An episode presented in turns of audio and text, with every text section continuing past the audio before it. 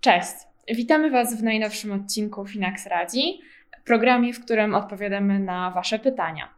Dziś jest ze mną Przemek Barankiewicz, nasz dyrektor oddziału i Mateusz Donsal, Wealth Manager.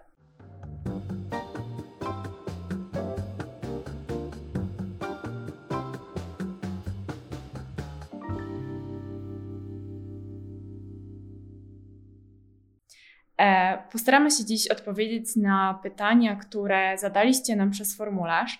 Przy okazji przypomnę, że możecie zadawać nam pytania dotyczące szeroko pojętych finansów, osobistych inwestycji, e, zarówno zarabiania, oszczędzania, kredytowania, cokolwiek tylko przyjdzie Wam do głowy poprzez formularz, do którego link znajdziecie w opisie tego odcinka.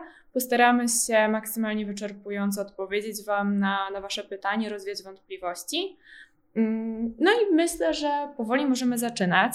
E, wszyscy widzimy, jaka jest sytuacja na rynku. Spadki e, dla niektórych są nieco przytłaczające, inflacja czy wzrosty stóp procentowych. No i to sprawia, że słuchacze mają coraz więcej wątpliwości i pytań. I może zaczniemy od pytania od pani Kingi e, z Gdyni. Pani Kinga ma 27 lat. Najpierw powiem pokrótce o jej sytuacji finansowej. E, pani Kinga zarabia miesięcznie około 3,5 tysiąca złotych, z czego 3 tysiące to jej wydatki miesięczne. E, oprócz tego jest e, zadłużona na 3 tysiące złotych. Miesięczna rata to zaledwie 60 złotych. Mm, ma e, oprócz tego odłożoną rezerwę finansową w wysokości 5 tysięcy i właśnie zaczęła myśleć o inwestowaniu. I jej pytanie brzmi, czy fundusze inwestycyjne proponowane, proponowane jako produkt w banku to dobry początek dla e, laika w kwestiach inwestowania. Co o tym myślicie? Hmm. Mateusz pracował w banku, to no Właśnie. Nie, nie, nie wiem, czy powinienem w związku z tym zabierać głos i stanowisko.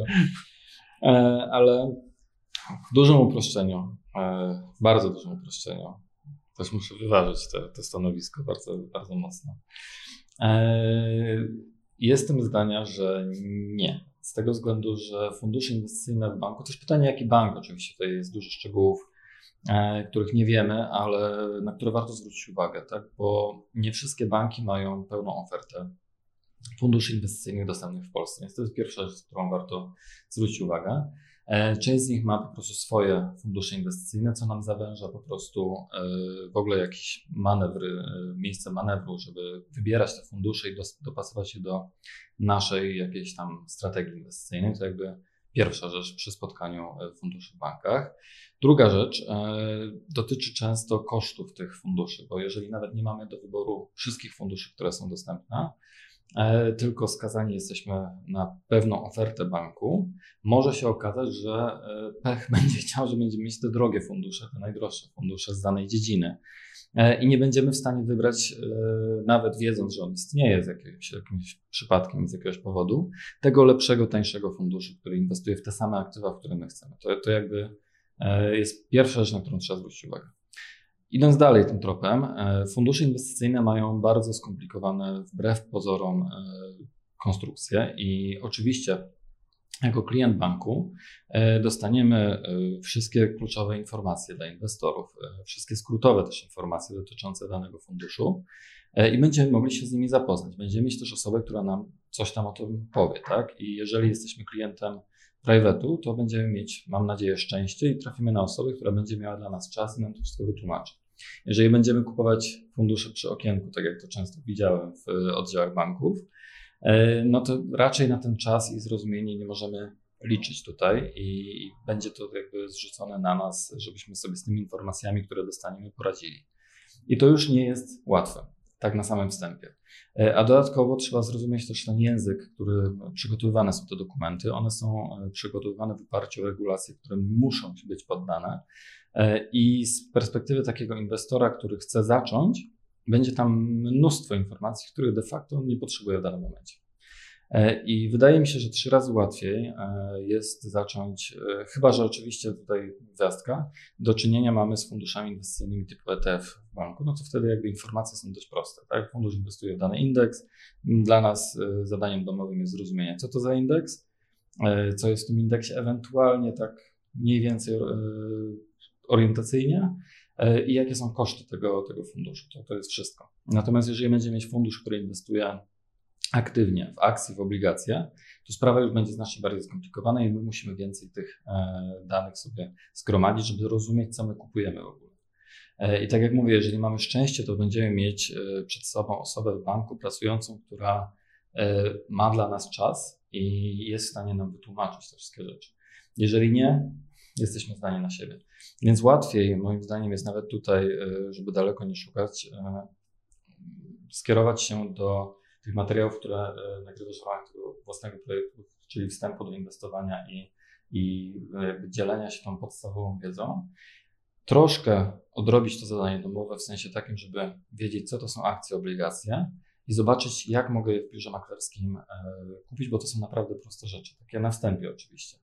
E, I zdaje mi się, że tutaj jest łatwiej z perspektywy osoby, która nie ma zielonego pojęcia o inwestowaniu, powoli te kroki sobie Mm, jakby stawiać i budować tą wiedzę, niż rzucać się na dość skomplikowany e, instrument, którym są fundusze inwestycyjne, które mają strategie mieszane, strategie agresywne, strategie e, odporne teoretycznie na, na różne warunki e, gospodarcze i będą zmieniać pewne alokacje pewnych instrumentów, zupełnie niezależnie od nas. Super, nie musimy się tym zajmować, ale nie będziemy rozumieć, co się wydarzyło i dlaczego mamy taki wynik, a nie inne na funduszach.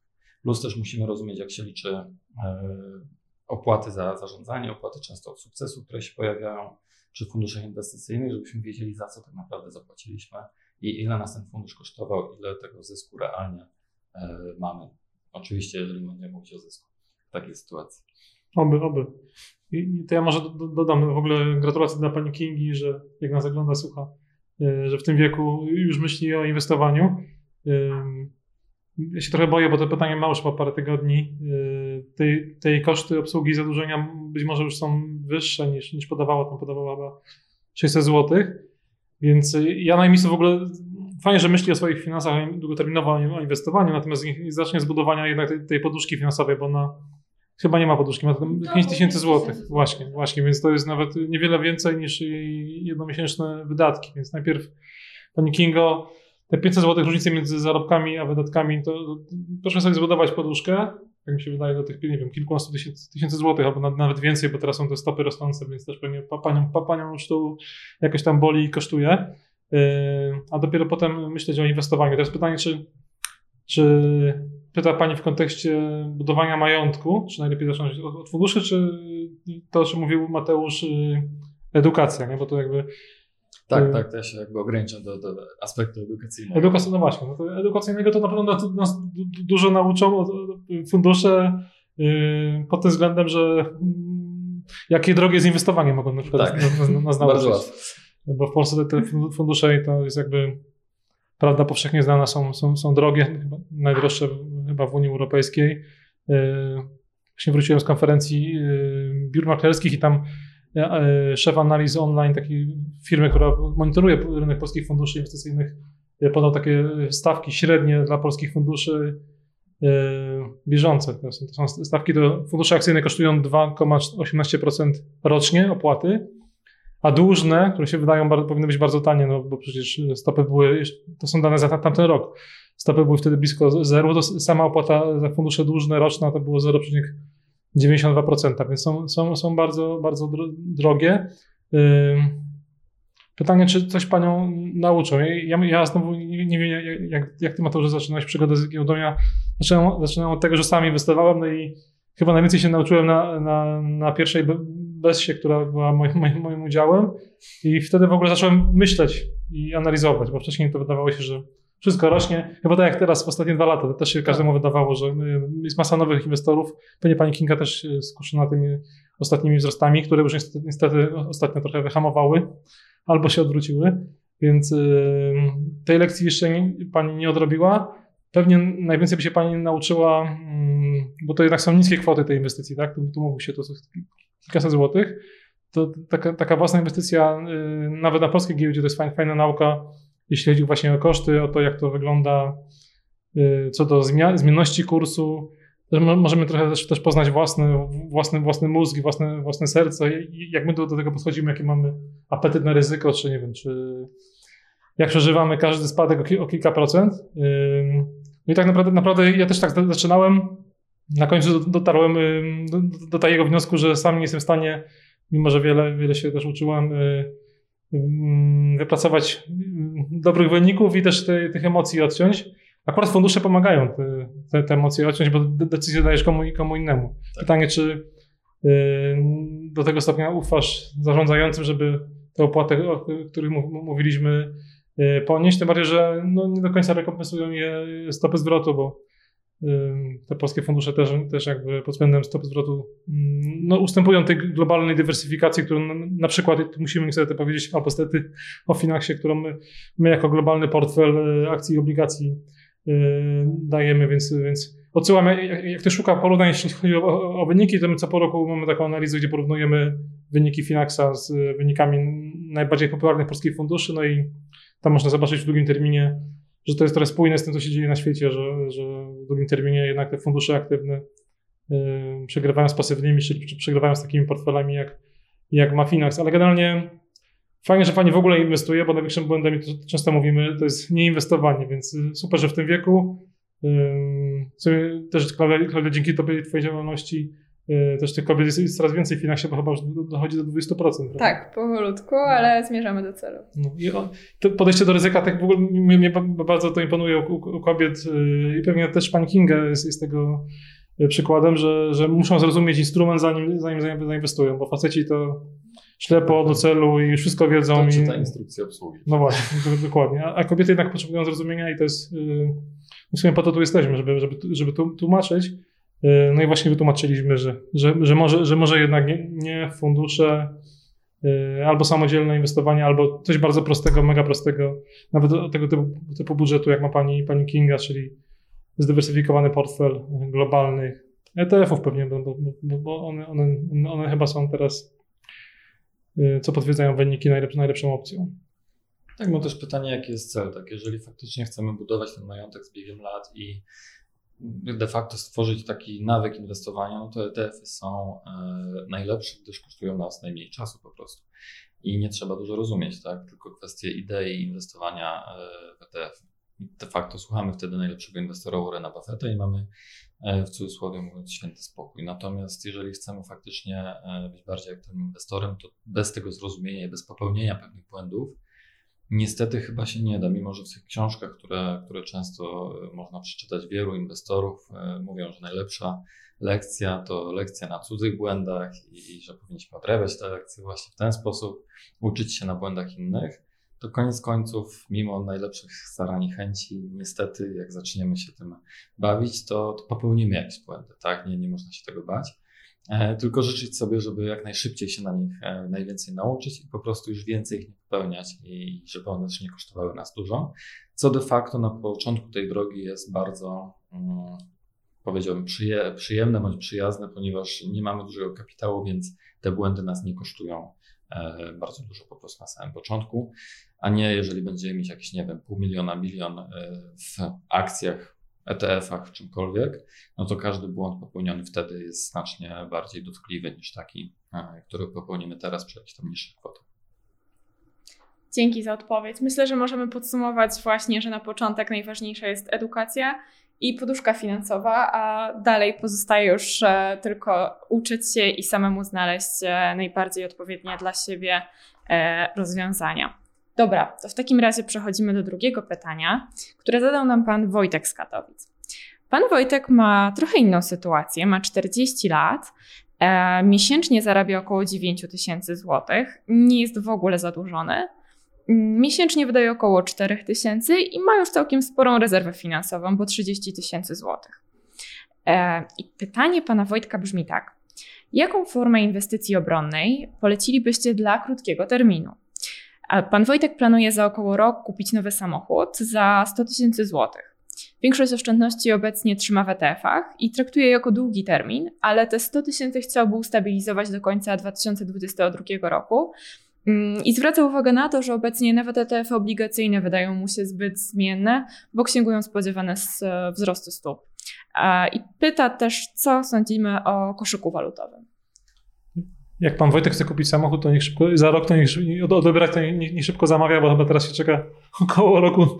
na samochód. Ale, a generalnie to, to, ja bym zniechęcał do zakupu, panie Wojtku. Jak pan nie potrzebuje tego samochodu, to mamy taki fajny tekst y, prezesa Juraja chyba tego, że auto to jest największy wydatek człowieka tak, tak naprawdę. Tak, I, największy zjadacz pieniędzy. Zjadacz pieniędzy, więc, y, więc ostrożnie. No ale ma pan poduszkę taką nawet yy, klasyczną, sześciokrotność chyba tych wydatków. Yy, tak, nawet więcej. Nawet więcej? No, no, no, no to, no to okej, okay. rozumiem, że potrzebuje pan samochodu.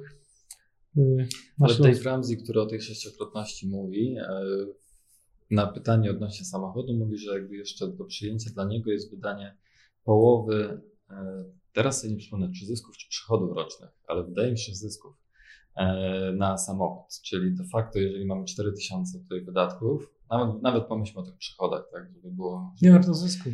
No, bardziej logiczne, no. ale, ale jeżeli chcemy sobie nawet więcej tutaj e, zagospodarować pieniędzy, no to zostaje nam ile? 4 razy 12, no to mamy 48 tysięcy, dobrze mówię?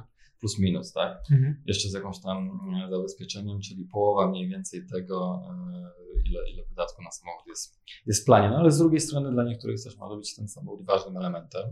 E, nie, nie wiemy, czy pan, czy pan Wojtek jest kawalerem, czy, czy jest zamężny. Tak. Ale nie ma nikogo na utrzymaniu, to wiemy. Okay. Czyli mały samochodzik jeszcze na razie. Mały, mały, ten, mały, mały samochodzik jest. Okay.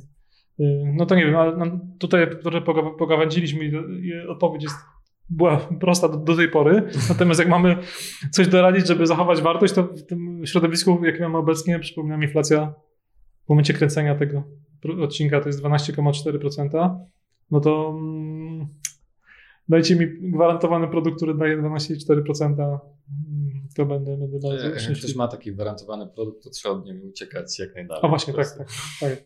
To, to mi się wam zapali od razu jakaś lampka tak. awaryjna, że że coś tam, coś jest nie tak z, z, z tą gwarancją, więc y, ciężko chyba, nie? Teraz 12,4% mieć. E, tak, żeby jakby, jeśli nastawimy się na to pokonanie tej inflacji, to niestety y, jesteśmy w, jakby sytuacji e, w gospodarce czy, czy, czy w finansach ogólnie, w których nie możemy dostać e, gwarantowanego sposobu na te 12%. Po prostu nie, nie, nie, nie jestem w stanie sobie wyobrazić e, żadnego rozwiązania, które załatwiłoby nam dwa problemy naraz, czyli jakby mm, zysk ponad inflację i jednocześnie e, pewność, że e, za rok te pieniądze, które dzisiaj zgromadziłem, będę mógł wydać na, na ten samochód za 100 tysięcy, tak jak, tak jak sobie zaplanowałem. Jestem w stanie wymyślić rozwiązanie, które może nam dać te 12,4, czyli tutaj mamy jakiekolwiek akcje, ale czy dam da to raz, a dwa, czy będę miał za rok 100 e, tysięcy złotych na, e, na ten samochód, też nie wiadomo, więc e, to, to jakby nie rozwiązuje tych problemów. I w zasadzie jedyna opcja no to mm, skupić się na czymś, co nam zapewni jakiś tam mm, zysk w skali roku. Faktycznie zabezpieczony w rzetelny sposób. Tutaj mam na myśli, nie wiem, obligacje skarbowe, tak, lokatę czy, czy cokolwiek. I wziąć po prostu jakby to ryzyko, że, że ta inflacja się nie zmniejszy i stracę w cudzysłowie na inflacji. Lub drugie rozwiązanie, ewentualnie pogodzić się z tym, że ewentualnie ta zmienność może być duża i nie kotwiczyć jakby tego 100, tych 100 tysięcy na, na samochód, tak? I dać sobie szansę na inwestycje e, i mm, jakby po prostu budować ten majątek zgodnie e, z zasadami, natomiast e, wydać pieniądze na samochód po prostu wtedy, kiedy kiedy będę chciał kupić ten samochód i tyle, ile mogę wtedy w danym momencie przeznaczyć, a nie na zasadzie takiej, że ja już w tym momencie odkładam te pieniądze i, i czekam na jakiś tam lepszy moment na zakup po prostu, bo wtedy odbieram sobie jakieś tam możliwości, które, e, które daje rynek w tym momencie. I jeszcze dodatkowo mogę mieć do siebie później pretensje, że postąpiłem w taki czy w inny sposób, bo coś się zmieni i, ten, ten cały plan się trochę, e, trochę zepsuje po prostu. Mhm. No w krótkim terminie to, to nic, co realnie utrzyma wartość tych pieniędzy, no to nie, nie widzę. Teraz za namową polskiego premiera banki Skarbu Państwa, kontrolowane przez Skarb Państwa zaczynają oferować te e, lokaty na, na 5-6%, e, ale już w tym momencie no to jesteśmy po, połowę stratni realnie, bo patrzymy na, na, na wartość pieniądza wobec inflacji. E, lada chwilę mają być też te obligacje jedno-dwuletnie Skarbu Państwa o stopie równej stopie podstawowej RPP, no więc też to może być za, chwilę, za chwilę 7, 7% na przykład.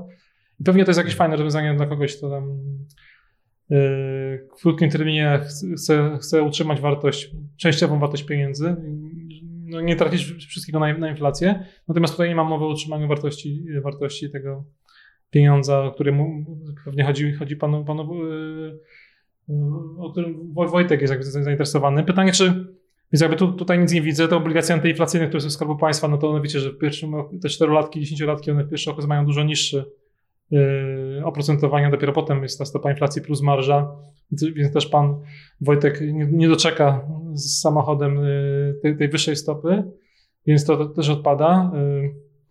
Ciekawą opcją jest, jest, jest te waluty, o które pyta. Nie wiem, dolar się w tym roku wzmocnił już do złotego 10%, euro 2%. No ale skoro się wzmocnimy, wzmocnimy więc jakby potencjał dalej wzmocnienia jest, jest ograniczony, więc nie, nie, nie łudźmy się, że w drugim poroczu będzie znowu 10%. Y, wręcz przeciwnie, raczej my zawsze mamy taką filozofię w finansie, że to wszystko generalnie wraca do, do średniej w długim terminie, więc, więc to tutaj raczej, raczej na to szybko nie liczył na, na dalsze osłabienie się złotego, dzięki któremu pan, pan Wojtek mógł, mógłby skorzystać. Jak jedyne, co mi przychodzi do głowy, jak pan Wojtek jednak jest, jest tam trochę skłonny do ryzyka, no to, to jednak no mamy za sobą tak naprawdę najgorszy początek roku od 100 lat na rynkach kapitałowych, jeśli chodzi o obligacje i o akcje. Nie wiem, akcje mają w Stanach najgorszy początek od 1939 roku, obligacje od 1920 roku, więc jakby ponad 100 lat. E, ten miks portfela, który na przykład jest, jest Finax 60-40 albo tego tego typu miksy, no one są najgorsze też historycznie. A skoro jest tak źle, no to może być już tylko lepiej. Co? Skoro, skoro to się zdarza raz na, raz na 100 lat, no to pora sobie, sobie na pytanie odpowiedzieć, czy to właśnie nie jest dobry moment na, na to, żeby jednak y, trochę zaryzykować tych pieniędzy na, na rynku kapitałowym. Mm, wiem, że ty masz, Mateusz, zawsze do tego podchodzisz ostrożnie, ale, ale, ale pan Wojtek jest Katowic, tam są ten, odważni, odważni ludzie, także... Y, też można sobie zadać pytanie, bo właśnie jeżeli się zaczyna dzielić swój portfel na te 6 e, miesięcy e, wydatków, jakiś tam kapitał, który nas ma wspomóc w jakichś trudnych, trudnych momentach, to się okazuje bardzo często, tylko że trudno sobie to jakby w głowie przedstawić, że tak naprawdę ponad ten kapitał, który mamy e, zgromadzony na takie właśnie nagłe wypadki, to reszta nie jest nam bardzo potrzebna i najczęściej jej nie potrzebujemy. Nam najczęściej jako ludziom się wydaje, że my potrzebujemy tych, tej gotówki na wyciągnięcie ręki już teraz, w tym momencie, bo po prostu jesteśmy do tego przyzwyczajeni, lepiej się z tym czujemy, czy, czy cokolwiek. Ale realnie patrząc na to, na naszą sytuację w życiu, najczęściej, tak, pomijam jakieś trudne, trudne przypadki, to nie jest to tak naprawdę potrzebne, jeżeli mamy te kapitały zgromadzone właśnie na, na podstawowe wydatki i na jakąś czarną godzinę typu kolejne załóżmy w naszym wypadku, niech to będzie 5000 zł na jakieś e, takie podstawowe rzeczy, tak, pralka się zepsuje, kupujemy z tych 5000 wtedy pralkę, tego typu rzeczy. E, I dodatkowo właśnie na takie bieżące 6 miesięcy życia, a cała reszta tych środków powinna nam e, pomagać w funkcjonowaniu i powinna dla nas pracować, a nie powinna być dla nas obciążeniem. A w tym wypadku, jeżeli faktycznie jeszcze jakoś mentalnie księgujemy te środki, mm, przerzucamy na inwestycje, które mają nam docelowo e, jakoś tam pomóc, ale tak naprawdę tylko i wyłącznie są jakimś tam kompromisem bądź wręcz obciążeniem tego, jeżeli mamy cokolwiek teraz z gwarantowanym zyskiem, to i tak tracimy realnie na tym E, jakby wartość pieniądza ze względu na wyższą inflację, więc to nie jest dla nas rozwiązanie tak czy inaczej. I można sobie na to spojrzeć trochę inaczej i zastanowić się, czy faktycznie ta mm, płynność tego pieniądza i dostępność tu i teraz e, i niezainwestowanie go jest warte po prostu tych e, strat wynikających z zmian wartości pieniądza, czy po prostu powinienem popatrzeć na to w dłuższym terminie, bo też często się tak dzieje i często to widziałem, że ten samochód za rok czasu, ja jestem świetnym przykładem, to też żeby daleko nie szukać, e, samochód za rok czasu jednak będzie za półtora roku, albo za rok i osiem miesięcy, albo w sumie za dwa lata, a tak na dobrą sprawę okaże się, że nie potrzebujemy samochodu, bo wymyśliliśmy coś jeszcze innego. I okaże się, że decyzja, którą podejmujemy dzisiaj, nie znając naszej sytuacji za, za rok czasu, e, będzie dla nas podwójnie krzywdząca. Bo po pierwsze, nie wybierzemy optymalnie ze względu na to, że boimy się, że potrzebujemy tych pieniędzy za rok czasu. E, a po drugie, ze względu na inne jeszcze czynniki, może się okazać, że ta decyzja będzie e, dodatkowo zła, ze względu na to, że mogliśmy po prostu wybrać coś innego, co w długim terminie nam znacznie bardziej sytuację, jakby w sytuacji pomoże i rozwiąże te problemy z wartością pieniądza. I to jest bardzo często i też jakby muszę tutaj się jakby pokłonić i, i, powiedzieć, że moja wina, ale to samo zrobiłem w tym roku, tak?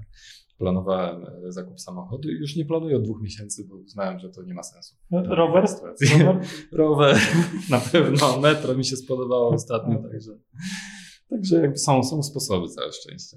No, panie mówiłeś o, o, tym y, późniejszym zakupie samochodu. Ja, ja, ja ten, ja, uprzedzając, że to nie jest rekomendacja, bo nie znam do końca profilu pana, pana Wojtka, nie, wszystkiego nie wiem o podejściu do ryzyka i tak dalej, ale jakby bazując tylko i wyłącznie na statystyce ostatnich kilkudziesięciu lat, czy nawet więcej niż ponad 100 lat na, na rynkach kapitałowych, no to w momentach takich przeceny jak są obecnie yy, myślę, że mo mogę się z panem Wojtkiem założyć, może nie o samochód, ale, ale chętnie się za założę, że za rok jakby teraz zainwestował w taki w miarę bezpieczny, powiedzmy, portfel 60% akcji, 40% obligacji global, globalnie, to być może, znaczy, to myślę, że za rok kupiłby lepszy samochód niż, niż, niż teraz ma, ma, ma na oku, więc y, przynajmniej o tym mówi statystyka i historia rynków kapitałowych. W sumie więcej nawet, może już nawet jest na blogu naszym Finaxa, bo mamy, mamy właśnie podsumowanie tych ostatnich y, kilkudziesięciu lat na, na i jakie z tego warto wyciągnąć y, no, wnioski i dlaczego te, te korekty bywają głębokie, nawet głębsze niż obecnie, ale cierpliwość i ten długi termin jest najlepszym sprzymierzeńcem. No i taka statystyka, że niezależnie od, od wszystkiego zawsze kupuje y, w długim terminie popłaca. Więc panie Wojtku, cierpliwości, najwyżej tak jak mówił Mateusz, no istnieje życie na rowerze, w Katowicach metra nie ma, więc są to są tramwaje. Ale ścieżki rowerowe są całkiem niezłe, mamy tramwaje, także... Klaudia jest też ze, ze Śląska? Z Zagłębia, ale z okolic. Zawsze ten, ten patriotyzm lokalny. Tak. Dobrze, dziękuję Wam bardzo za odpowiedzi. Dziękujemy Wam za uwagę. E, zachęcamy Was do zadawania pytań, jakiekolwiek, które Was nurtują przez formularz, który jest w opisie odcinka. E, I zachęcamy do śledzenia naszego kanału. Jeżeli e, podobał Wam się ten odcinek, to dajcie łapkę w górę, śledźcie nas w mediach społecznościowych e, i do zobaczenia w kolejnych odcinkach. Dzięki. Dobrego inwestowania.